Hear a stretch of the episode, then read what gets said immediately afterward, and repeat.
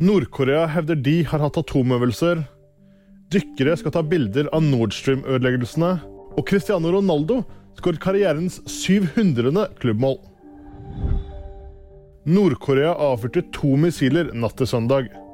Landet har avfyrt syv rakettester de siste to ukene. Og nå hevder myndighetene i Nord-Korea at øvelsene var for bruk av taktiske atomvåpen.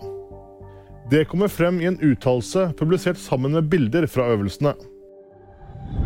Tyskland sender mannskap for å etterforske Nord Stream-ødeleggelsene. De sender både politi og marinen for å undersøke lekkasjene i Østersjøen.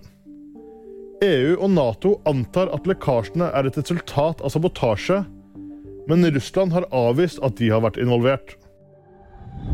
700 klubbmål for Cristiano Ronaldo.